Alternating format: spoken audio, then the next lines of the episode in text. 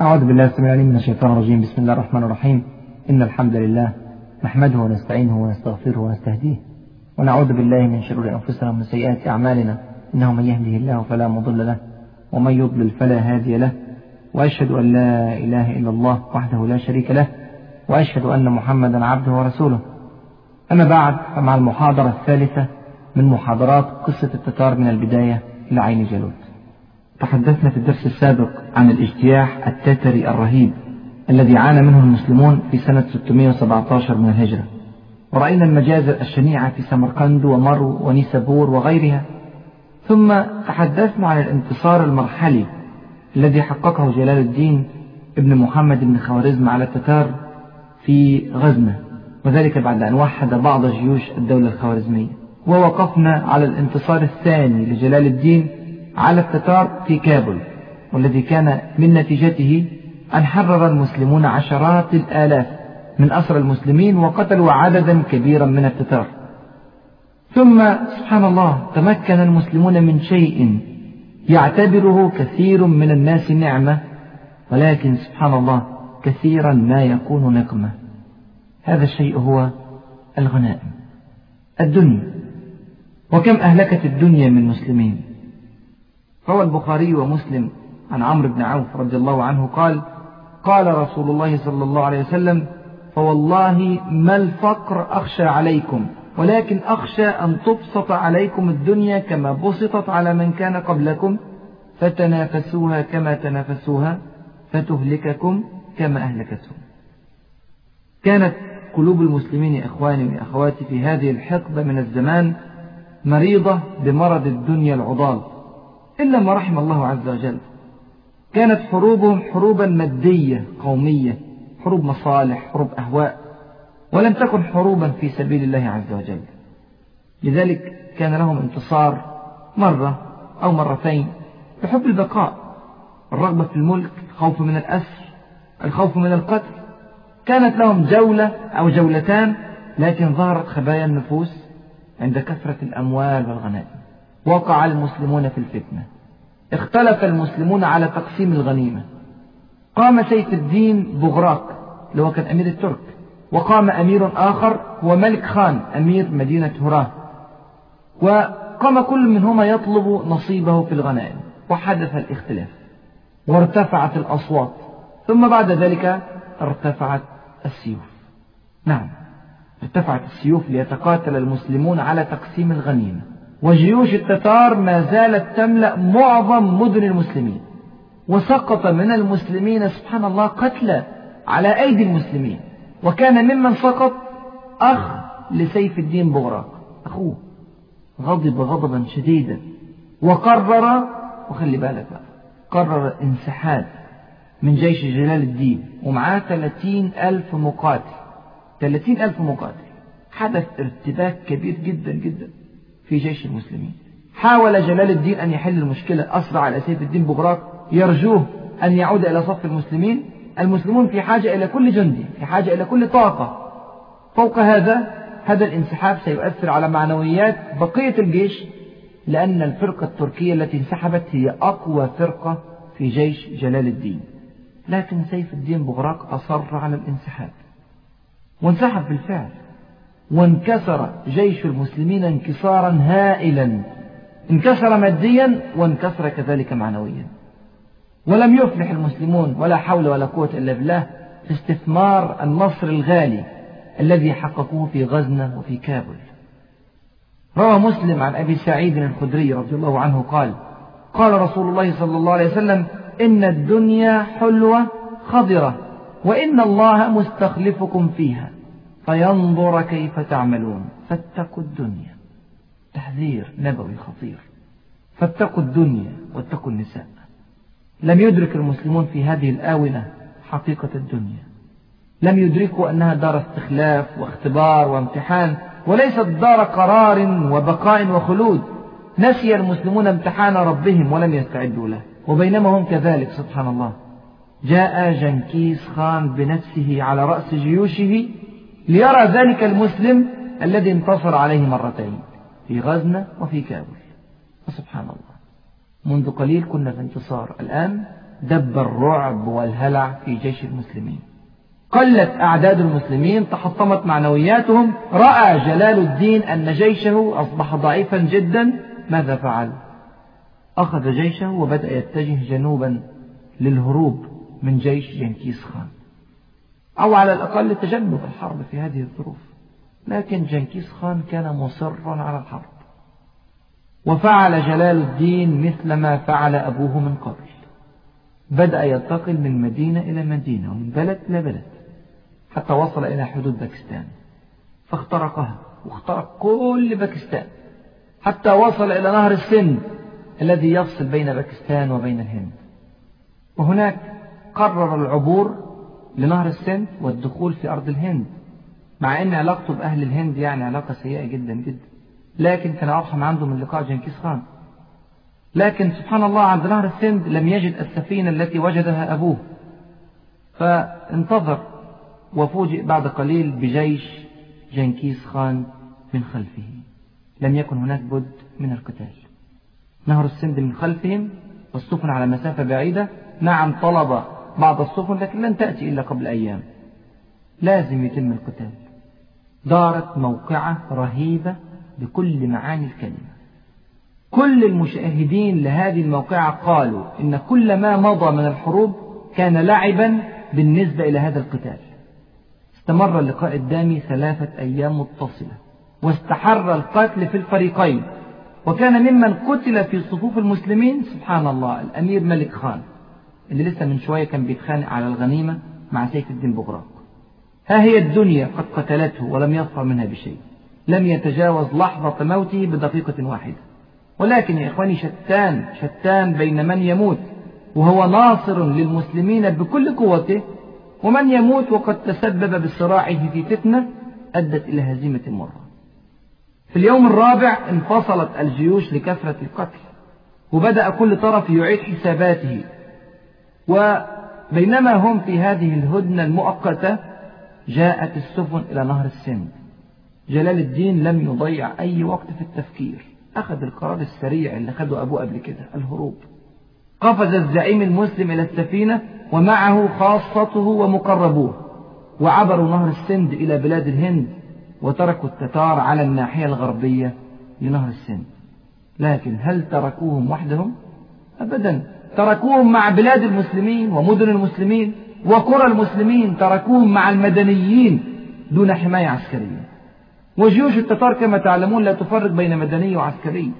هذا بالإضافة إلى الحقد الشديد في قلب جنكيز خان نتيجة الهزيمتين السابقتين. انقلب جنكيز خان على بلاد المسلمين يصب عليها عظيم غضبه. يفعل بها ما اعتاد التتار أن يفعلوه وأكثر وكانت أشد المدن معاناة مدينة غزنة عاصمة جلال الدين بن خوارزم المدينة التي هزم عندها قبل ذلك جنكيز خان. قتلت كل رجالها بلا استثناء سبى كل الحريم بلا استثناء وأحرق كل الديار بلا استثناء.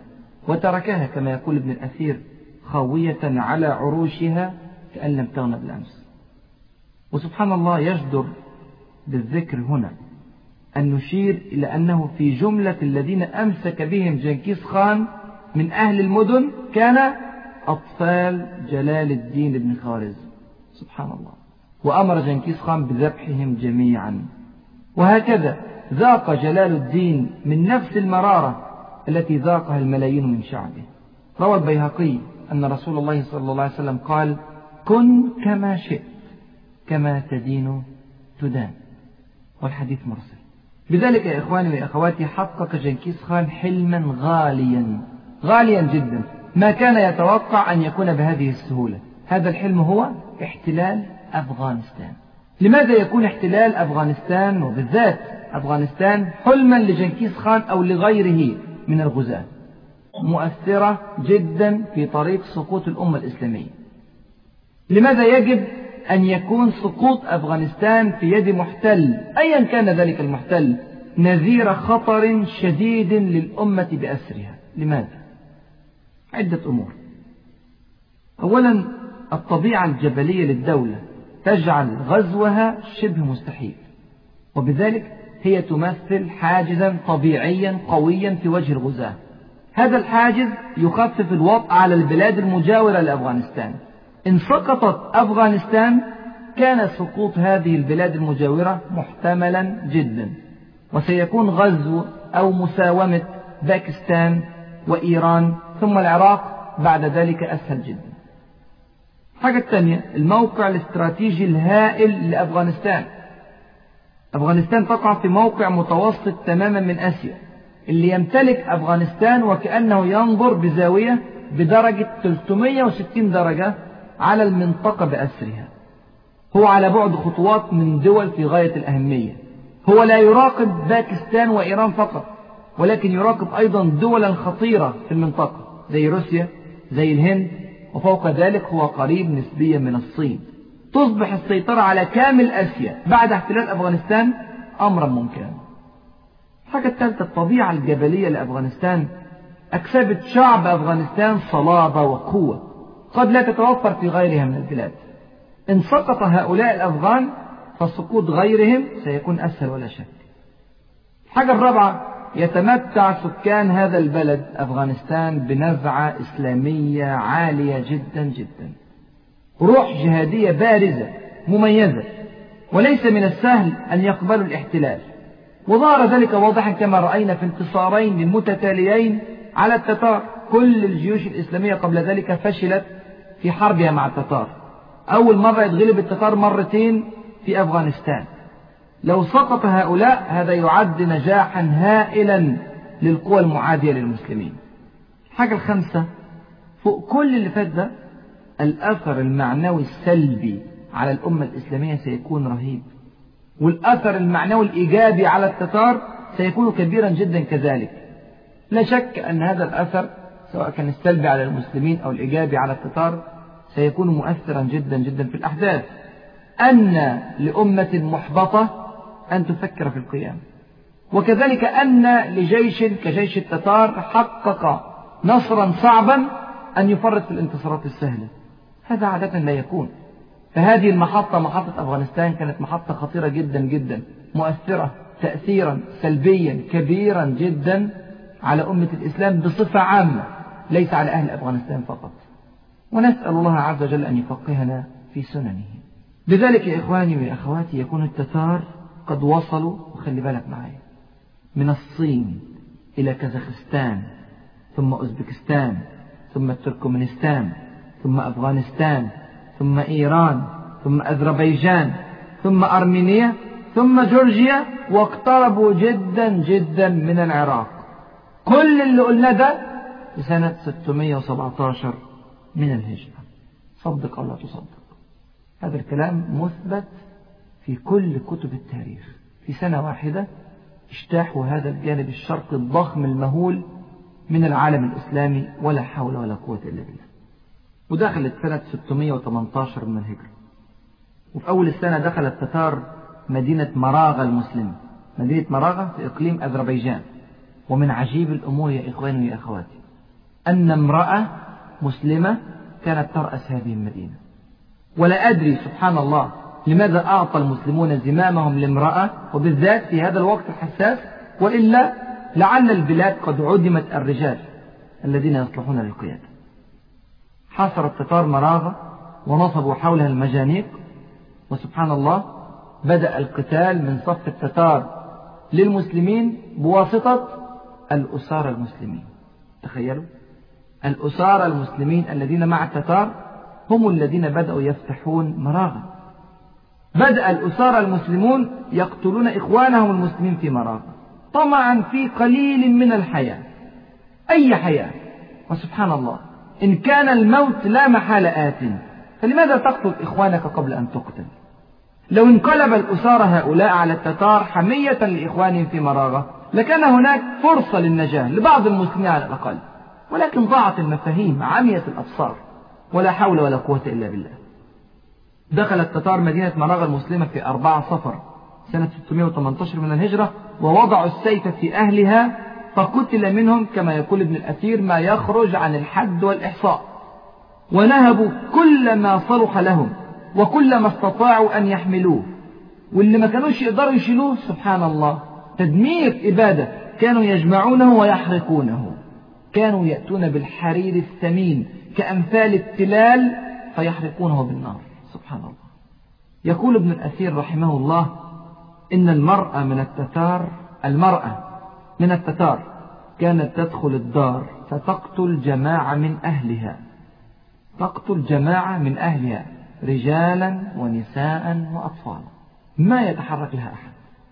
وذكر أيضا أنه قد سمع بنفسه من بعض أهل مراغة أن رجلا من التتر دخل دربا فيه مئة رجل مسلم. فما زال يقاتلهم واحدا واحدا حتى أفناهم جميعا. لم يمد إليه رجل واحد يده بالسوء. وضعت الذل على الناس. لا يدفعون عن أنفسهم قليلا ولا كثيرا. ونعوذ بالله من الخذلان. ثم بدأ التتار يفكرون جديا في غزو مدينة أربيل. مدينة أربيل في شمال العراق. كلنا طبعا سمعنا عنها الأيام دي في احتلال أمريكا للعراق. مدينة أربيل مجاورة للموصل في شمال العراق. دب الرعب في مدينة أربيل وكذلك في مدينة الموصل في غرب أربيل. وفكر بعض أهل أربيل وبعض أهل الموصل في الهروب من طريق التتار. وخشي الخليفة العباسي الناصر لدين الله. طبعا دي أسماء ما شاء الله الناصر لدين الله. خشي أن يعدل التتار عن مدينة أربيل ويتجهوا إلى مدينة بغداد. فبدأ يفيق من السبات العميق. بدأ يستنفر الناس لملاقاة التتار في أربيل إذا وصلوا إليها. أعلن حالة الاستنفار العام في كل المدن العراقية التي تحت سيطرته. وبدأ جيش الخلافة العباسية. اسم كبير جدا. جيش الخلافة العباسية. بدأ في التجهز ترى كم من الرجال. استطاع الخليفة الناصر لدين الله أن يجمع. هقول لكم رقم. ما تفتكروش إني بضحك عليكم أو بقول نكتة. لا هذا واقعي هذا كلام حقيقي. جمع كم واحد؟ لقد جمع الخليفة العباسي الناصر لدين الله ثمانمائة رجل فقط. 800 واحد. لا أدري كيف سينصر الخليفة دين الله عز وجل. كما يوحي بذلك اسمه اسمه الناصر لدين الله. كيف سينصر دين الله عز وجل بثمانمائة رجل ضد مئات الآلاف من التتار. أين الجيش القوي؟ أين الحماية للخلافة؟ أين التربية العسكرية؟ أين الروح الجهادية؟ لم يكن الناصر لدين الله يا إخواني وأخواتي خليفة. إنما كان صورة خليفة كان شبح خليفة. لم يستطع قائد الجيش العباسي كان اسمه مظفر الدين. طبعا أسماء ما شاء الله كبيرة جدا. مظفر الدين لم يستطع أن يلتقي بالتتار بهذا العدد الهزيل طلع ب 800 واحد. يقاتل مئات الآلاف فانسحب. أول ما شاف قدامه مئات الآلاف انسحب. لكن سبحان الله شيء غريب جدا حصل. شعر التتار أن هذا الانسحاب خدعة وأن هذه الفرقة ما هي إلا مقدمة للجيش الإسلامي الكبير. وهو مش معقول أن جيش الخلافة العباسية المرهوبة لا يزيد عن 800 جندي فقط. لذلك قرر التتار تجنب المعركة وانسحبوا بجيوشهم. ولازم هنا نقف وقفة. انسحاب جيوش التتار يحتاج منا إلى وقفة فعلا وتحليل. الرعب يا إخواني وأخواتي كان يملأ التتار من إمكانيات الخلافة العباسية. الخلافة العباسية كانت ملء سمع وبصر الدنيا. كانت تزهو على غيرها من الأمم بتاريخ طويل جدا وأمجاد عظيمة. ولا شك أن دولة لقيطة مثل دولة التتار ليس لها على وجه الأرض إلا بضع سنوات فتحسب ألف حساب لدولة هائلة يمتد تاريخها إلى أكثر من خمسمائة سنة. لذلك التتار كانوا يقدرون إمكانيات العراق بأكثر من الحقيقة بكثير جدا ومن ثم آثروا ألا يدخلوا مع الخلافة في صدام مباشر. ما فيش داعي نخش مع العراق في حرب مباشرة في ذلك الوقت. استبدلوا ذلك بما يعرف بحرب الاستنزاف. هيعملوا إيه؟ هيعملوا ضربات خاطفة موجعة للعراق هيعملوا حصار طويل مستمر يضعفوا به العراق ثم يعملوا أحلاف واتفاقيات مع الدول والإمارات المجاورة لتسهيل الحرب ضد العراق في الوقت المناسب. علشان كان سحب التتار ليطول بذلك عمر العراق عدة سنوات أخرى. التتار انسحبوا لكن مش انسحبوا من البلاد الإسلامية انسحبوا إلى مدينة أخرى إلى مدينة تبريز المدينة الإيرانية الكبيرة. فاكرين تبريز؟ ذكرنا عن تبريز أن كان بها قائد اسمه أزبك ابن البهلوان هذا الذي كان لا يفيق من الخمر. فرجع التتار إلى تبريز ويحاولون مخالفة العهد الذي عقدوه قبل ذلك مع أزبك بن البهلوان لكن فوجئ التتار بتغيير الحكم في تبريز. تولى قيادة البلاد رجل جديد هو شمس الدين الطغرائي رحمه الله. هذا الرجل كان رجلا مجاهدا يفقه دينه ودنياه. قام رحمه الله يحمس الناس على الجهاد وعلى إعداد القوة وقوى قلوبهم على الامتناع حذرهم عاقبة التخاذل والتواني علمهم ما عرفوه نظريا قبل ذلك ولم يطبقوه أبدا بصورة عملية في حياتهم. علمهم أن الإنسان لا يموت قبل ميعاده أبدا. وأن رزقه وأجله قد كتب له قبل أن يولد وأنهم مهما فعلوا للتتار فلن يتركوهم مهما ركعوا أمام التتار لن يتركوهم إلا إذا احتمى المسلمون وراء سيوفهم ودروعهم. أما بغير قوة فلن يحمى حق على وجه الأرض. تحركت الحمية في قلوب أهل تبريز. قاموا مع قائدهم البار يحصنون بلدهم ويصلحون الأسوار ويوسعون في الخندق ويجهزون السلاح ويضعون المتاريس ويرتبون الصفوف. تجهز القوم يا إخواني ويا أخواتي وللمرة الأولى منذ زمن للجهاد في سبيل الله. سمع التتار بأمر المدينة. سمعوا بحالة العصيان المدني فيها بحالة النفير العام. سمعوا بدعوة التجهز للقتال في سبيل الله. سمع التتار بكل ذلك. ماذا فعلوا؟ بعض المستمعين هيفتكر أن التتار غضبوا وأرعدوا وأسبدوا وغلت الدماء في عروقهم علت أصواتهم جمعوا جيوشهم عزموا على استئصال المدينة المتهورة. أبدا يا إخواني يا أخواتي كل ذلك لم يحدث. أخذ التتار قرارا عجيبا. قرروا عدم دخول تبريز عدم الدخول في قتال مع قوم قد رفعوا راية الجهاد في سبيل الله. ألقى الله عز وجل الرعب في قلوب التتار على كثرتهم من أهل تبريز على قلتهم. يا إخواني يا أخواتي نصر رسول الله صلى الله عليه وسلم بالرعب مسيرة شهر. وكذلك ينصر بالرعب كل من سار على طريقه صلى الله عليه وسلم. الجهاد فعل فعله المتوقع. بل إن القوم لم يجاهدوا.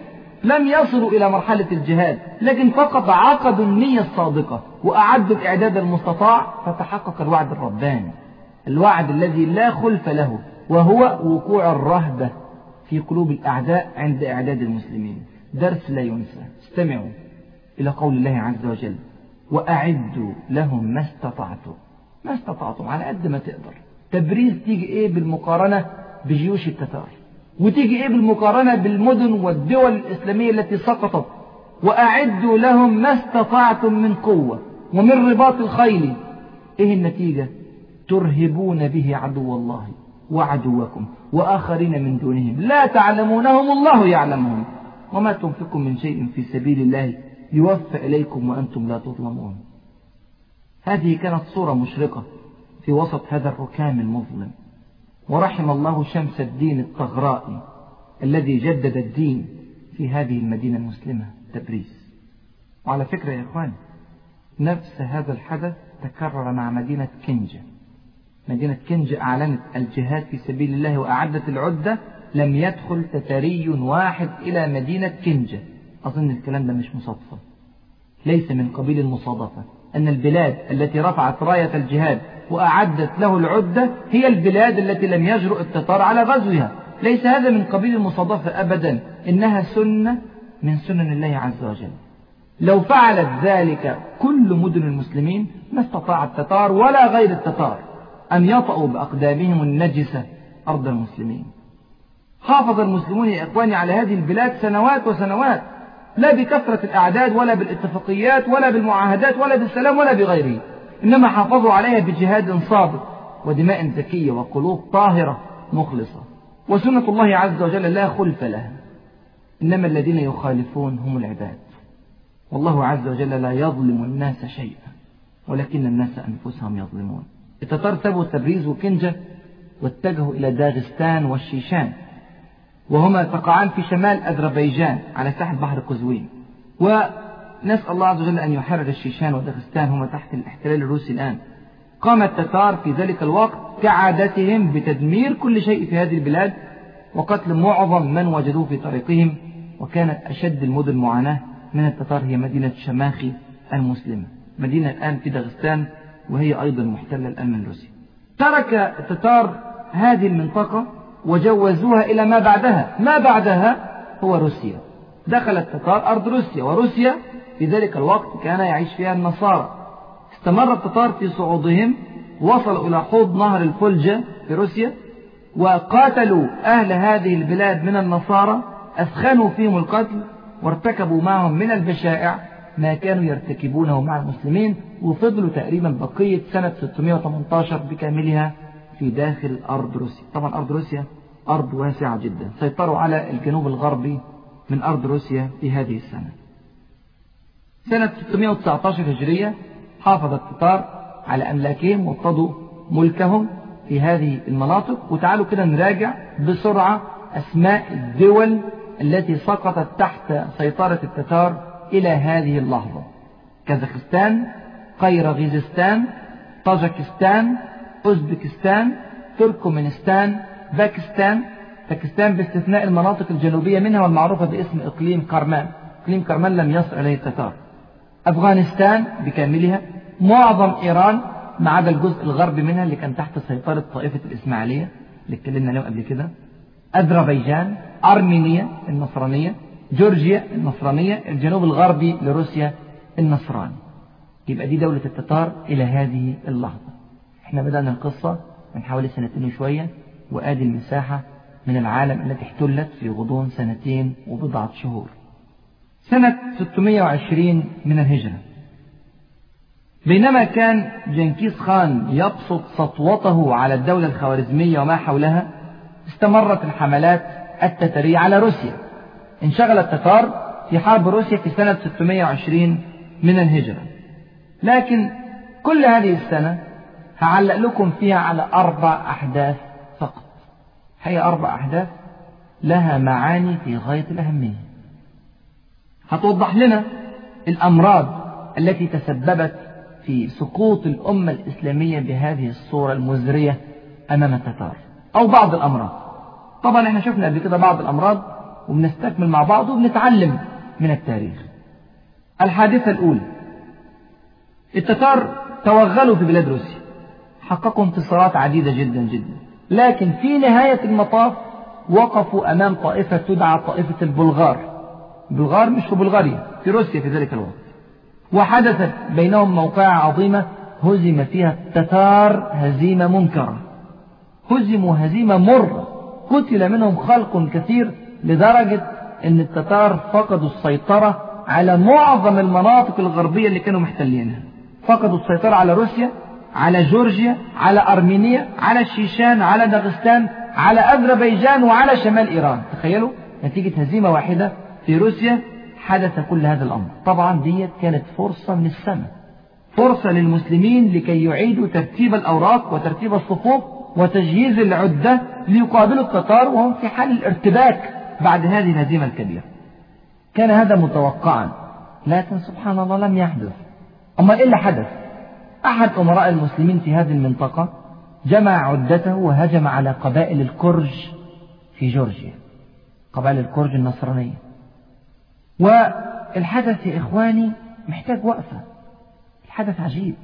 نعم بين الكرج والمسلمين حروب مستمرة إلا أنهم الآن في شبه هدنة غير رسمية. ليس من الحكمة أبدا فتح جبهات جديدة على المسلمين في وجود العدو الأكبر لهم هو التتار وبالذات أن الكرج أيضا يعانون مما يعاني منه المسلمون. الكرج يكرهون التتار. أصيبوا كما أصيب المسلمون من التتار. كان المتوقع في ذلك الوقت من المسلمين إذا كانوا يتحلون بحكمة سياسية أو فقه سياسي أن يتحالفوا بحذر مع الكرج ضد التتار. المانع. أو على الأقل يحيدوا صفهم. لكن يدخلوا في حرب مع الكرج يستنزفوا فيها قوة المسلمين. وقوة الكرج في وجود القوة التترية الضخمة المهولة إلى جوارهم هذا سبحان الله أنا أسميه هذا حول سياسي.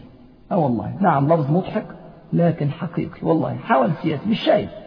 افتقد المسلمون في هذه الآونة الرؤية الصحيحة افتقدوا الحكمة العسكرية افتقدوا الهدف الواحد. ما فيش اتحاد بين الصفوف ما فيش أعمال متوازنة أو منضبطة كل شيء غير مدروس. دارت الحرب بين المسلمين والكرش وفقد كل منهما عددا كبيرا جدا من القتلى وطبعا فقدوا الثقة في إمكانية التحالف ضد التتار. ولم يستغل المسلمون موازين القوى في هذا الوقت لصالحهم وكان هذا من أهم أسباب ضعفهم. ثم سكنت الحرب وأقيم الصلح من جديد بين الكرش وبين المسلمين لكن بعد فقد طاقة مهولة من الفريقين. ما فيش رؤية الحدث الثاني. نتيجة انهزام التتار في هذه المنطقة ظهر أحد أولاد محمد بن خوارزم غير جلال الدين واحد تاني اسمه غياث الدين. طبعا ما شاء الله الأسماء حاجة عظيمة جدا تحس إن هو هينصر الأرض كلها. غياث الدين ابن محمد بن خوارزم. أخو جلال الدين ابن محمد بن خوارزم. طبعا جلال الدين فين دلوقتي؟ في الهند هربان. قام غياث الدين بجمع الرجال واستغل الفراغ النسبي الذي خلفه التتار وتملك المنطقة سيطر على معظم إيران على مدن الري وأصبهان وغيرها ووصل في السيطرة إلى إقليم كرمان في باكستان. وهذه المنطقة كما ذكرنا منذ قليل لم يصل إليها التتار. وأصبحت سيطرة غياث الدين بن خوارزم على مناطق شمال وغرب وجنوب إيران. أما المنطقة الشرقية فما زالت تحت احتلال التتار. المنطقة الشرقية لو تفتكروا من الدرس اللي فات هي إقليم خراسان اللي هو في شرق إيران. وفي شمال غرب أفغانستان. يعني التتار ملاصقون تماما لغياث الدين ابن محمد ابن خوارزم طيب نيجي نبص لحاجة غريبة جدا حصلت في ذلك التوقيت. كان المتوقع من الناصر لدين الله. فاكرين الاسم؟ الناصر لدين الله الخليفة العباس. طبعا خليفة وهمي ليس له أي قيمة. كان المتوقع من الناصر لدين الله في ذلك الوقت أن يساعد غياث الدين بن محمد بن خوارزم ليه؟ واقف بينه وبين التتار. كان المتوقع أن يساعده إن لم يكن بسبب دوافع الدين والأخوة والنصرة للمسلمين فليكن يا أخي بسبب الأبعاد الاستراتيجية الهامة. ده غياث الدين واقف حائط صد أمام الخلافة العباسية. لكن الخليفة العباسي سبحان الله لم يدرك هذه الأبعاد. برضه كان بيعاني من مرض الحول السياسي. سبحان الله. كان الناصر لدين الله كما وصفه المؤرخون رجلا ظالما مستبدا فرض المكوس والضرائب على كل شعبه. كل أزمة اقتصادية تحصل يفرض ضريبة جديدة ويحل الأزمة من قوت الشعب ومن كد الشعب ومن تعب الشعب. سبحان الله. وكان مهتما جدا بالحفلات والملذات والصيد واللعب. وعم الفساد تماما في زمانه وارتفعت الأسعار وقلت المؤن والمواد. كان رجلا فعلا يفتقر تماما إلى النظرة العميقة والفهم الثاقب للأحداث. ما كانش على مستوى الأحداث الضخمة التي تحدث على أرض العالم في ذلك الوقت. ماذا فعل الخليفة الناصر لدين الله؟ ما نسيش خلافاته القديمة مع الدولة الخوارزمية. عايز يفك الدولة اللي بدأت تنمو من جديد إلى جواره بقيادة غياث الدين ابن خوارزم. ماذا فعل؟ راسل خال غياث الدين.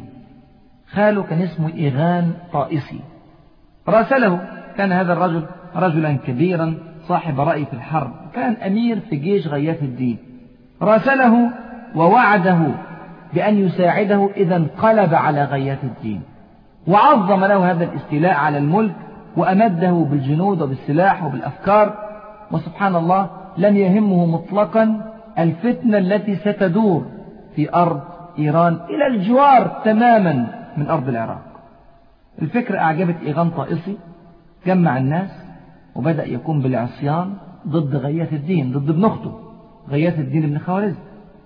وحدث ما لم يتوقع.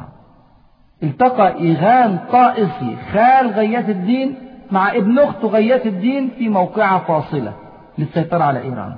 تخيلوا في ظل هذه الظروف يلتقي المسلمون مع بعضهم البعض في هذا القتال. ومين بيحارب مين؟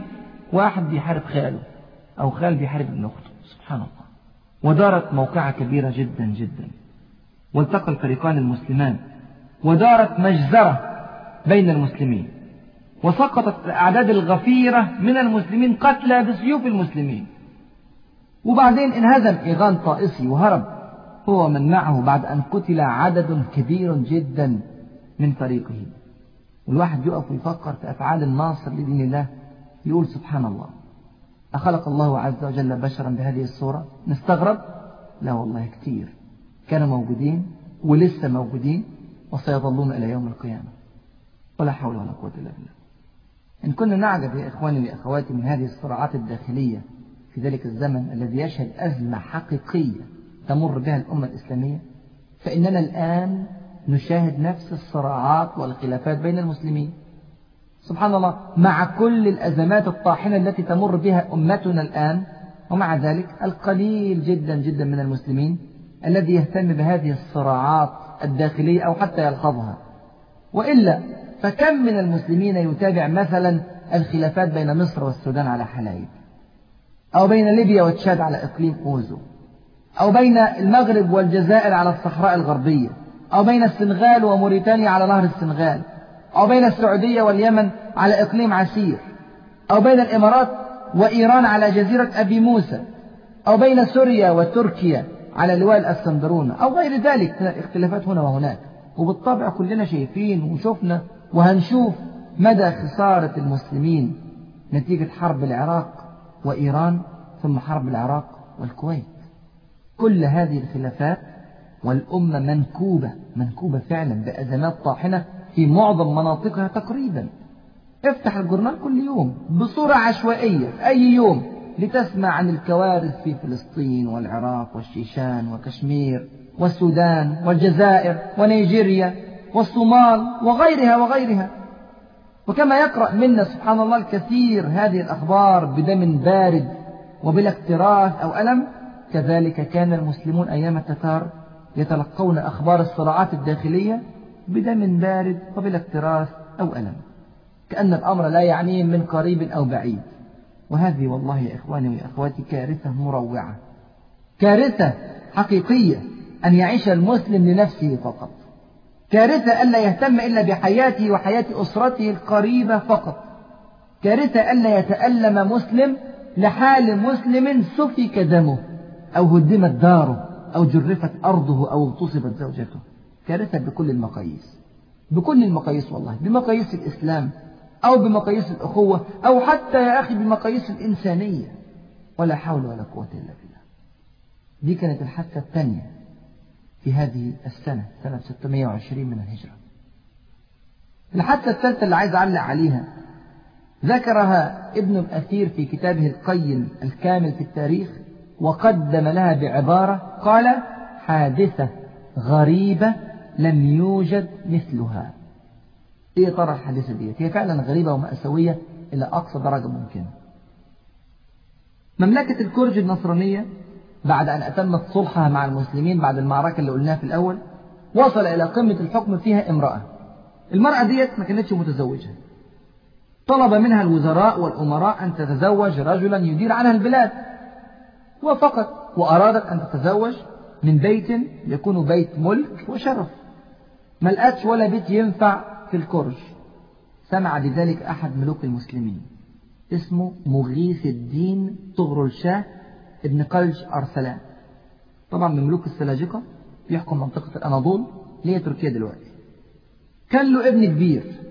أرسل إلى الملكة ملكة الكرج وقال لها أنا أطلب منك الزواج لابني.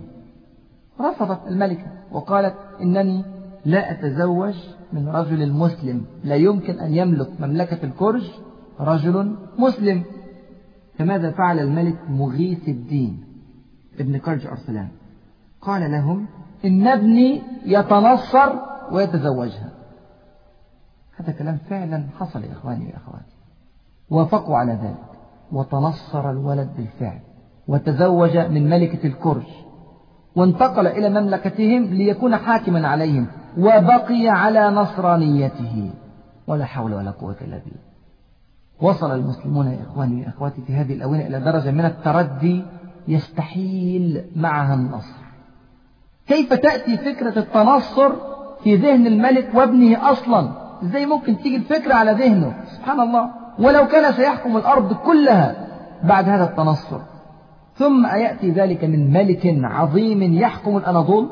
يعني لو أتى ذلك الكلام من ضعيف مستعبد لقلنا لعله استكره على ذلك. أما أن يأتي العرض من الملوك وهم الذين يطلبون هذا ما لا يتخيل العقل. ولا أدري من الذي أطلق على هذا الملك لقب مغيث الدين. والله مش عارف أي دين فعلا بيغيث. يا ترى بيغيث الدين النصراني ولا الدين الإسلامي؟ محدش عارف. فإنها لا تعمى الأبصار ولكن تعمى القلوب التي في الصدور. وعلى فكرة هذا الرجل أو هذا الولد الذي تزوج ملكة الكرج مات على نصرانيته ومات محبوسا في مملكة الكرج عاش له كده كم شهر في الملك وغضبوا عليه وحبسوه وفضل نصراني ومات على نصرانيته. ولا حول ولا قوة إلا بالله. الحادثة الرابعة والأخيرة التي أريد أن أعلق عليها في سنة 620 من الهجرة حدث أمر يعتقد البعض أنه مصادفة توقيت هذا الحدث فعلا غريب يا إخوان. المصائب كانت كثيرة جدا على الأمة في هذه السنين. الحالة الاقتصادية متردية الحالة السياسية والعسكرية والأخلاقية زي ما أنتم شايفين. فوق كل هذه المصائب التي ذكرناها فوق مصائب التتار ومصائب المسلمين هجم الجراد بكميات هائلة على أكثر أقاليم المسلمين. سبحان الله. سبحان الله. أهلك الكثير من الغلات والخضر بالعراق والجزيرة وديار بكر والشام وفارس وغيرها. هل هذا على سبيل المصادفة؟ أبدا والله. أبدا والله. هذا في كتاب الله عز وجل. ولو أن أهل القرى آمنوا واتقوا. لفتحنا عليهم بركات من السماء والأرض ولكن كذبوا فأخذناهم بما كانوا يكسبون. هذه يا إخواني وأخواتي حقائق ثابتة في كتاب الله عز وجل. بل إن الله عز وجل ذكر الجراد بالذات كوسيلة من وسائل إثبات قدرته على من لم يتبع نهجه سبحانه وتعالى. قال فأرسلنا عليهم الطوفان. فاكرين طوفان أرجندة فأرسلنا عليهم الطوفان. والجراد فهو موجود هو جندي من جنود الله عز وجل. والجراد والقمل والضفادع والدم آيات مفصلات فاستكبروا وكانوا قوما مجرمين. سبحان الله. كلنا يا إخواني وأخواتي رأى الجراد الذي هجم على العالم الإسلامي منذ أيام أو أسابيع. وأنا أرى أن هذا ليس مصادفة أبدا ولكنه لفت نظر للمسلمين تذكير لهم بالتاريخ دعوة لهم للعودة إلى الله عز وجل وإلا فرحلة الجراد القادمة لن تكون رحلة عابرة بل ستكون إقامة واستيطان. ونعوذ بالله من غضب الله. ونسأل الله عز وجل أن يبصرنا بسننه وأن يرزقنا التقوى والإخلاص والعمل. سنة 621 من الهجرة تعلق فيها على ثلاث أحداث بس. الحدث الأول أن غياث الدين اللي كان بيحكم منطقة فارس في ذلك الوقت منطقة إيران حدثت بينه وبين أحد الأمراء في هذه المنطقة فتنة. هذا الأمير هو سعد الدين بن دكلة واحد جديد ظهر ودار بينهما قتال طويل ده غير القتال القديم بتاع إيجان طائسي. دار قتال طويل حتى رضي الطرفان بماذا؟ رضي الطرفان بتقسيم البلاد إلى نصفين شمالي وجنوب. الجنوب في سعد الدين دكلة والشمال في غياث الدين. في ذلك الوقت الذي فيه جيوش التتار على بعد خطوات من إيران أو في داخل شرق إيران في هذا الوقت يقسم المسلمون البلاد عليهم ولا حول ولا قوة إلا بالله. الحدث الثاني ثلاث آلاف جندي تتري دخلوا على إيران. ثلاث آلاف ثلاث آلاف رقم في منتهى التفاهة. فوضعوا السيف في مدن الري وساوة وقم وقاشان وهمذان. تخيلوا؟ ولم يرفع في وجوههم سيف. ذلة وضعت على المسلمين. كثر الله عز وجل التتار في عيون المسلمين وقلل المسلمين في عيون التتار. عظمت جدا هيبة التتار وضاعت هيبة المسلمين. ليه؟ انشغل المسلمون بأنفسهم. ما عادوا يدركون من العدو ومن الصديق. بينما كان ينبغي للأزمات في ذلك الوقت أن تجمع الصف المسلم إذا بها تفرقهم سبحان الله. وما ذلك إلا لقلة الإيمان في القلوب. عظم الدنيا في العيون لسوء التربية أو انعدامها تماما في فترات طويلة متراكمة. كنتيجة طبيعية لهذه الأجواء يحدث الحدث الثالث. اللي عايز أعلق عليه بقى قلت الأمطار في البلاد في هذه السنة. كانت الأمطار تجيء قليلة جدا وفي أوقات متفرقة. وخرج عليهم الجراد للمرة الثانية يأكل الزرع القليل اللي خرج في وجود المطر القليل. وسبحان الله غلت الأسعار جدا في العراق والموصل وسائر ديار الجزيرة. منطقة الجزيرة هي المنطقة الشمالية من العراق وسوريا. ما حدث يا إخواني وأخواتي في هذه الفترة من مصائب عن طريق الجراد والسنين ونقص الثمرات؟ هذا أمر طبيعي جدا كما ذكرنا. أمر موافق. للسنن الإلهية. وخلي بالكم وقف وقفة. إذا مر على المسلمين زمان شعروا فيه أن الأسعار قد ارتفعت وأن الغلات قد قلت وأن الاقتصاد قد تأثر الحياة أصبحت صعبة حقيقة فليراجعوا أنفسهم. ليقفوا مع أنفسهم وقفة للمحاسبة. ليعرضوا أنفسهم على كتاب الله عز وجل. حتما يا إخواني والله. إن كانوا صادقين سيصلون إلى المرض وسيعرفون العلاج في كتاب الله عز وجل. ما فرطنا في الكتاب من شيء. سنة 622 و 623 خلوا بالكم القصة بدأت سنة 616 كل اللي بنذكره ده لسه ست سنوات. 622 و 623 خفت القبضة التتارية على غرب الدولة الخوارزمية. خفت على غرب وشمال إيران. اكتفوا ببعض الحملات المتباعدة. اهتموا بتوطيد الملك في أركان الدولة الخوارزمية الشاسعة التي وقعت في أيديهم. لكن حدث أمر جديد في هاتين السنتين. سنة 622 سنة 623 ظهر على مسرح الأحداث فجأة رجل قديم. ظهر من؟ ظهر جلال الدين ابن محمد ابن خوارزم زهق من العيشة في الهند شاف الوضع هناك مش مريح وأصلا كان علاقاته مقطعة وسيئة مع ملوك الهند الغوريين طبعا ملوك مسلمين لكن كان مقطع كل علاقاته. دخل إلى أرض إيران لما شاف الوضع نسبيا مستقر والتتار اكتفوا بتوطيد الملك في أركان الدولة الخوارزمية الشرقية. لقى الفرصة مناسبة دخل أرض إيران. دخل عمل إيه؟ دخل يدور على الملك الضائع الراجل ده ملك وابن ملك. فعايز يجيب الملك. من الذي يحكم إيران في ذلك الوقت أو يحكم غرب إيران في ذلك الوقت؟ أخوه غياث الدين بيحكم الشمال وسعد الدين ابن دكلة اللي قسم البلد مع غياث الدين بيحكم الجنوب. عمل إيه؟ تخيلوا. هقول لكم كلام. والله هذا كلام حدث تحالف جلال الدين ابن محمد ابن خوارزم مع سعد الدين ابن دكلة لحرب أخيه غياث الدين ابن محمد ابن خوارزم. يا سبحان الله والله يا إخواني الكلام ده حصل. تخيلوا وبدأ جلال الدين في غزو إقليم فارس إيران من جنوبه إلى الشمال ووصل إلى غرب إيران وسيطر فعلا على كل إيران أو على كل المنطقة الغربية من إيران. ووجد جلال الدين نفسه قريبا من الخلافة العباسية من العراق. وتذكر الخلافات القديمة بينه وبين الخلافة العباسية فقرر غزو الخلافة العباسية. يا سبحانك يا رب. مش بقول لكم كل الزعماء في هذه الآونة مصابون بالحول السياسي؟ لا والله. دخل بجيشه البصرة. حاصر البصرة. مين في البصرة؟ مسلمين. حاصر البصرة. لمدة شهرين. معرفش يفتحها تركها واتجه إلى الشمال. قرب من بغداد. حاصر بغداد. خاف الناصر لدين الله. الخليفة العباس. خاف على نفسه خاف على مدينته. حصن المدينة جهز الجيوش لكن ما هو مش بتاع حرب. مش قادر. عمل إيه؟ فعل فعلا شنيعا بشعا مقززا. لا يتخيل. يقول ابن الأثير تعليقا على هذا الفعل فعل الذنب الذي يتصاغر إلى جواره كل الذنوب. ماذا فعل؟ أرسل إلى التتار يستعين بهم على حرب جلال الدين. يا سبحانك يا رب. أيأتي بالتتار وهو يعلم تاريخهم وحروبهم مع المسلمين ليحاربوا جلال الدين؟ يا أخي حتى لو كان الظلم كل الظلم مع جلال الدين والحق كل الحق مع الخليفة أيأتي بالتتار لنجدته أما علم أن التتار إذا قضوا على جلال الدين فإن الخطوة التالية مباشرة هي القضاء على الخلافة العباسية. ماذا أردت يا خليفة المسلمين؟ سبحان الله.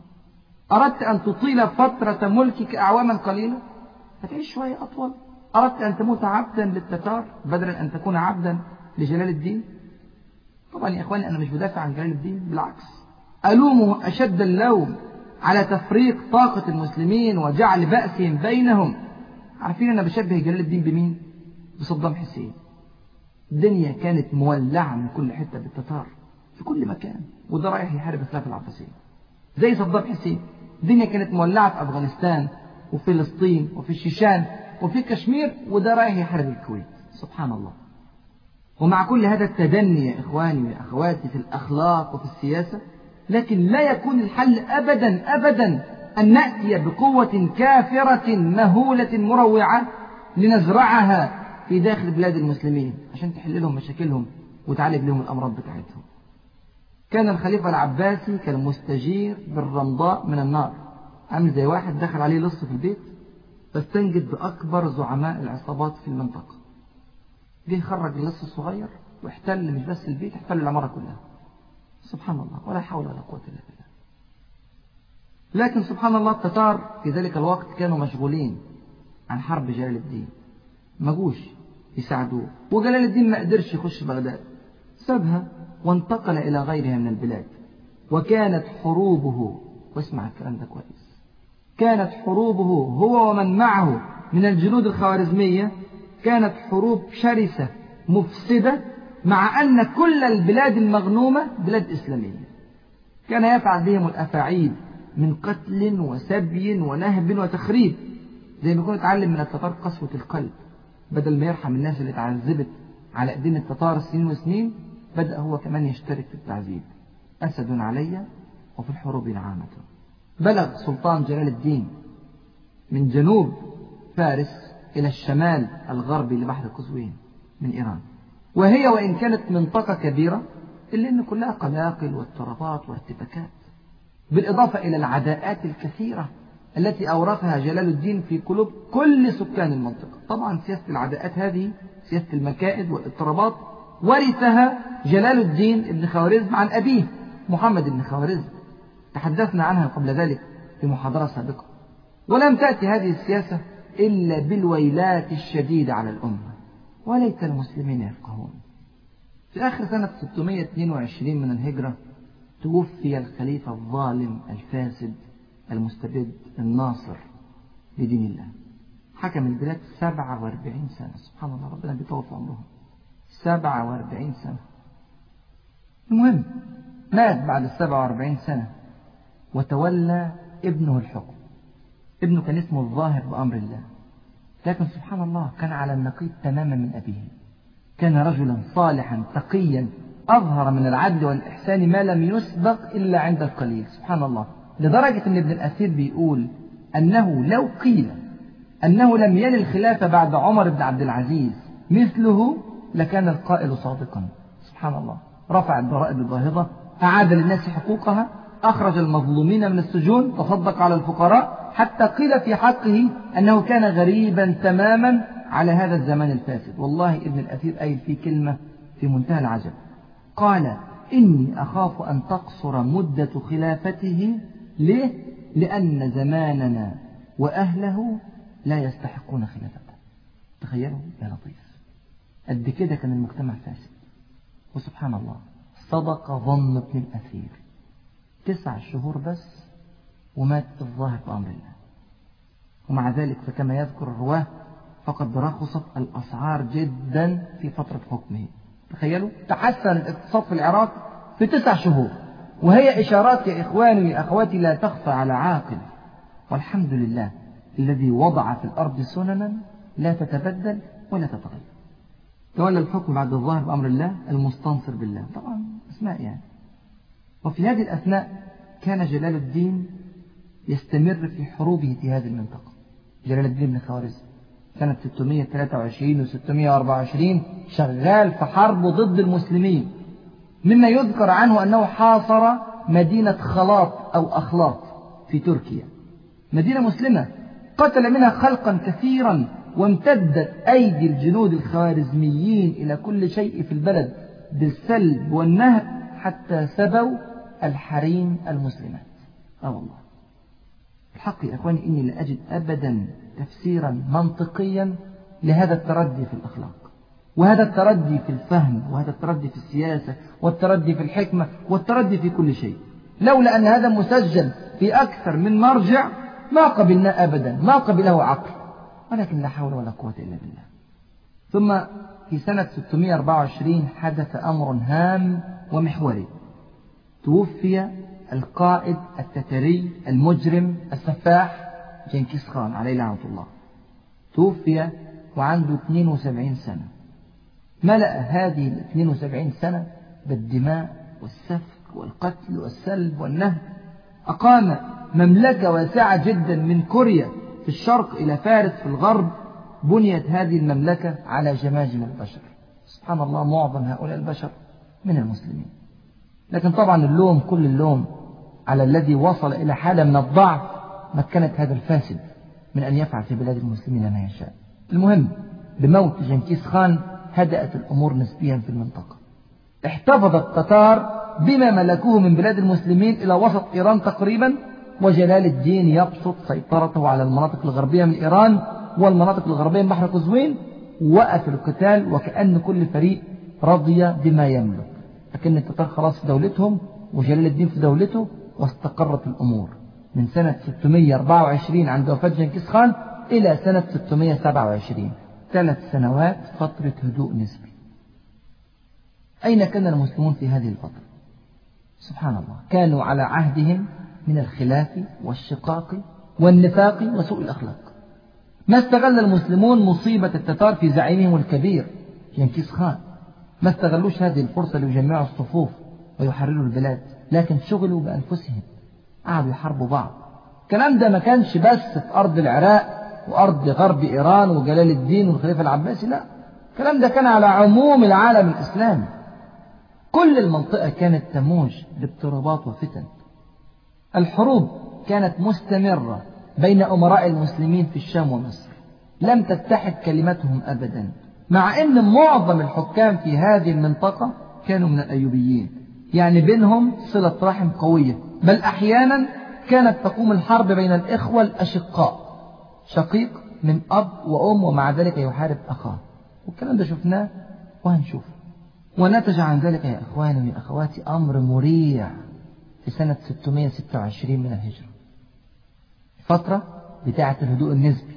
اللي قلناها من 624 ل 627 سنة 626 حدث أمر مريع وهو تسليم بيت المقدس الذي حرره صلاح الدين الأيوبي رحمه الله قبل ذلك بأربعين سنة إلى الصليبيين. تخيلوا؟ وإيه؟ صلحا. بمزاجهم يعني. مسلمين بيت المقدس هذا البيت الغالي مسلمينه للصليبيين. لماذا؟ اتفق أمراء الشام على إعطاء هذا البيت المقدس للنصارى الصليبيين. لماذا؟ ليساعدوهم في غزو مصر. تخيلوا قد إيه كانت المأساة في ذلك الوقت؟ هذا والله يا إخواني حدث نعوذ بالله يا إخواني من الضعف بعد القوة ومن الذلة بعد العزة ومن الخذلان بعد النصر. عند رؤية مثل هذه الأحداث يا إخواني وأخواتي في كل بلاد المسلمين نعلم لماذا تمكن التتار من هذه البلاد مع ضخامتها وأعدادها وثرواتها. لا جرم يا إخواني ويا أخواتي أن هذه سنة ثابتة في الكون. من كانت هذه حالته فلا بد أن يسلط عليه طواغيت الأرض. الله عز وجل لا ينصر إلا من نصره. إن ينصركم الله فلا غالب لكم وإن يخذلكم فمن ذا الذي ينصركم من بعد. لا أحد. سنة 628 خلصت فترة الهدوء النسبي. 628 تحمل هجمة تتارية بشعة جديدة على الأمة الإسلامية. ملك التتار استقر في منغوليا. جنكيز خان كان مات من أربع سنين. تولى القيادة زعيم جديد اسمه أوكيتاي خاقان جديد للدولة التتارية. طبعا كلمة خاقان دي تعني الزعيم أو الرئيس للبلاد لقب زي قيصر بالنسبة للدولة الرومانية أو كسرى بالنسبة للدولة الفارسية أو غير ذلك. فالخاقان الجديد أوكيتاي نظم أمور دولته في الأربع سنين اللي فاتوا منطقة منغوليا والصين وبدأ يفكر من جديد في اجتياح العالم الإسلامي. بل وفكر إن هو يستكمل الحروب بقى في داخل روسيا ويكمل ويطلع على فوق على أوروبا. وسبحان الله قرر أوكيتاي عدم الدخول إلى الخلافة العباسية في ذلك الوقت. ليه؟ قرر عدم الدخول لأسباب منها شدة حصانة البلد. بغداد. طبعا بغداد مدينة من أحسن مدن العالم في ذلك الوقت. عمرها 500 سنة تقريبا. وكثافة السكان أعداد ضخمة. سكان بغداد كانوا حوالي 3 مليون بني آدم أو يزيد عن 3 مليون. وأراد أيضا ألا يستثير المسلمين في العراق والشام ومصر لسقوط الخلافة العباسية. الخلافة العباسية كانت تمثل رمزا هاما للمسلمين على ضعفها. خلى الخلافة العباسية آخر خطوات الاحتلال. خليها للآخر لف حواليها أخذ كل البلاد المحيطة وبعدين أفتح العراق في الآخر. وهذا هو عين الذكاء. الخقان الجديد أوكيتاي كلف أحد أمهر قادته التتريين بغزو العالم الإسلامي وهذا القائد هو شورمجان شورمجان جمع جيش هائل من التتر وتقدم صوب العالم الإسلامي أول منطقة قابلها إيه؟ منطقة جلال الدين بن خوارزم اللي هي غرب إيران. دخل على جلال الدين بن خوارزم التقى معه في موقعة رهيبة جدا. هزم جلال الدين هزيمة مرة محدش طبعا من الناس ساعده قعد يجري ويفر يكرر نفس التاريخ الذي فعله هو قبل ذلك والذي فعله أبوه قبل ذلك أيضا. حتى وصل في فراره إلى شمال العراق. كل الجيش بتاعه تفرق عنه سبحان الله. جيوش التتار أكلت الأخضر واليابس في هذه الأرض. احتلت كل إيران في لحظات قليلة جدا جدا. ووصل جلال الدين إلى شمال العراق. وحيدا شريدا طريدا تماما تماما كما حدث مع أبيه. وأخذ ينتقل بمفرده بين القرى فارا من التتار. واختفى ذكره من البلاد شهورا متصلة ما كانش حد عارف إذا كان مات ولا ما ماتش. سبحان الله. شوف التاريخ قد إيه بيتكرر. وصل إلى إحدى القرى استقبله فلاح من الأكراد قال له أنت مين؟ فلاح مستغرب جدا من شكل جلال الدين لأن جلال الدين بيتحلى بكمية ضخمة جدا جدا من الذهب والجواهر. خد كل كنوزه معاه وهربان. فقال له أنت مين؟ قال له أنا ملك الخوارزمية. وبيحاول أن هو يعني يبث الرعب في قلبه حتى يطلب الأمانة عنده. فالفلاح أول ما سمع الكلمة دي سبحان الله قال له فضل تعالى. ودخله البيت وأكله وشربه ونيمه وسبحان الله الفلاح ده أخوه كان اتقتل قبل كده على أيدين جلال الدين بن خوارزم شوف النهايات. لحد ما نام جلال الدين وقام الفلاح وقتله بالفأس. خد رأسه وسلمها إلى زعيم شمال العراق. في ذلك الوقت كان اسمه الأشرف العادل. سلمه هذه الرأس لأن كانت بين الأشرف العادل وبين جلال الدين حروب طويلة قبل ذلك. وانتهت قصة جلال الدين بن محمد بن خوارزم هذه النهاية المأساوية الفاضحة. وصدق رسول الله صلى الله عليه وسلم إذ يقول فيما رواه البخاري ومسلم عن أبي موسى الأشعري رضي الله عنه قال إن الله لا يملي للظالم لا يملي للظالم يعيش فترات يحكم لا يملي للظالم حتى إذا أخذه لم يفلت. ثم قرأ وكذلك أخذ ربك. إذا أخذ القرى وهي ظالمة إن أخذه أليم شديد. طبعا بهذا الموت لجلال الدين بن خوارزم سقط كل إقليم فارس في يد التتار ما عدا الشريط الغربي فقط الشريط ضيق جدا الذي تسيطر عليه الإسماعيلية الشيعية. سنة 629 بعد موت جلال الدين بشهور أكمل شورمجن الحروب واحتل إقليم أذربيجان من جديد انعد إيران ودخل أذربيجان. ثم قرر شورمجن أن يوقف الحروب لكي يرسخ أقدام التتار في هذه المناطق الواسعة. كم سنة أوقف الحروب؟ خمس سنوات كاملة خمس سنوات. من 629 ل 634 أثناء هذه السنوات الخمس لم تخرج عليه ثورة مسلمة واحدة. لم يتحرك له كذلك جيش مسلم. من أي بلد؟ مع أن جيوش المسلمين ما شاء الله تملأ المناطق المجاورة لفارس وأذربيجان في كل مكان. العراق الموصل مصر الحجاز الشام غيرها لكن الكل كان يشعر أن هذا أمرا يهم أهل فارس وأهل أذربيجان. ليس مصيبة عامة على عموم المسلمين. لم يشعر المسلمون في الأقطار التي لم تصب بعد بويلات التتار أن عليهم واجبا تجاه هذه البلاد المنكوبة. وفي ذات الوقت لم يشعروا أبدا أن الدائرة حتما ستدور عليهم في يوم من الأيام. أضف إلى ذلك يا أخي يا أختي أن المسلمين في مناطق العراق والشام ومصر والحجاز كان غالبيتهم من العرب. بينما غالب المسلمين في إقليم فارس وأذربيجان وشرق الدولة الخوارزمية كانوا من غير العرب ومع غياب الفهم الإسلامي الصحيح وغياب الاستيعاب الكامل للأسس الحقيقية التي يبنى عليها الدين ما عاد العربي يشعر بأخيه غير العربي ولا العكس كأنهم أغراب عن بعضهم البعض. وهم في الحقيقة إخوة إنما المؤمنون إخوة. أمر شنيع حقا ألا يشعر المسلم العربي بأخيه المسلم التركي أو الأفغاني أو الشيشاني. أو الهندي أو الفارسي هذا أمر شنيع. هذه قاصمة لظهر الأمة الإسلامية. الإسلام يا إخواني الدين لا يرتبط بعرق ولا عنصر ولا لون ولا جنس. الرابط الوحيد هو الإيمان بالله وبرسوله الكريم صلى الله عليه وسلم. الإيمان بهذا الدين رباط العقيدة يا إخواني لا شيء غير العقيدة. روى الإمام أحمد بسند مرسل عن أبي نضرة رحمه الله قال قال رسول الله صلى الله عليه وسلم يا أيها الناس ألا إن ربكم واحد؟ وإن أباكم واحد. ألا لا فضل لعربي على أعجمي ولا عجمي على عربي ولا لأحمر على أسود ولا أسود على أحمر إلا بالتقوى. هكذا جاءت القاعدة واضحة. لا مكان لعرق أو لون في الإسلام المكان للتقوى فقط. المسلم الصادق حقا هو الذي يتحمس لمن اشترك معه في عقيدة واحدة ولو اختلف أصله أو لونه أو نسبه. إذا من المواقف التي مرت ومن الروايات السابقة والتحليلات والدراسة يتبين لنا أمراضا هامة كانت سببا في هذه المأساة التي مر بها المسلمون في هذه الفترة العصيبة من تاريخ أمتنا. ذكرناها بالتفصيل في الدرس لكن أذكرها الآن كنوع من التلخيص والإيجاز. هذه الأمراض التي ذكرناها اليوم حوالي خمسة. أولا تمكن الدنيا من قلوب المسلمين. وإذا أشرب القلب يا إخواني وأخواتي حب الدنيا خرج منه حب الآخرة وحب الشرع وحب المثل وحب الأخلاق وحب كل فضيلة. ثانيا التشاحن والتصارع والبغضاء التي تفشت بين المسلمين ووصلت إلى صراع ذوي الأرحام بل والأشقاء كما رأينا.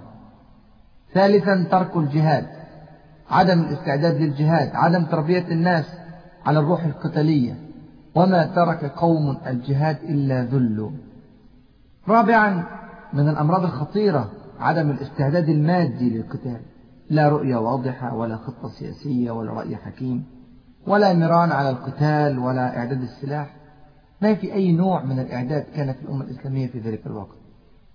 خامسا القبلية الاعتداد بالعنصر والعرق عدم اكتراث المسلمين بإخوانهم المسلمين المنتمين إلى أعراق مختلفة. المرض الواحد من هذه الأمراض الخمسة يهلك أمة.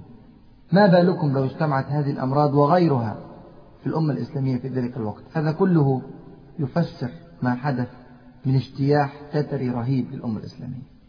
ثبت شرمجان قدمه في المنطقة خمس سنوات وصلنا إلى سنة 634 هجرية. في هذه السنة سيعود الجيش التتاري إلى اجتياح العالم من جديد. لكن هذا الاجتياح يا إخواني ويا أخواتي سيختلف اختلافات كثيرة عما سبق.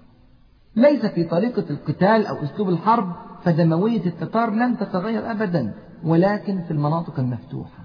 هنختلف في المناطق دلوقتي. ندخل في مناطق جديدة لم يدخلها التتار قبل ذلك. هيختلف الأمر في طرق الإعداد هيختلف حتى في السياسة التتارية بصفة عامة. وسوف يعاني أهل الأرض جميعا. معاناة شديدة من هذا الغزو التتري الجديد. ترى ما هي تفاصيل هذا الغزو؟ وما هو رد فعل العالم الإسلامي؟ وهل سيفكر التتار في غزو العراق أم لا؟ وما هو موقف الصليبيين في أوروبا من هذه الحملات التترية البشعة؟ هذا ما سنعرفه وغيره إن شاء الله في المحاضرة القادمة. وأسأل الله عز وجل أن يفقهنا في سننه وأن يجعل لنا في التاريخ عبرة وأن يعلمنا ما ينفعنا وأن ينفعنا بما علمنا إنه ولي ذلك والقادر عليه فستذكرون ما أقول لكم وأفوض أمري إلى الله. إن الله بصير بالعباد. والسلام عليكم ورحمة الله وبركاته.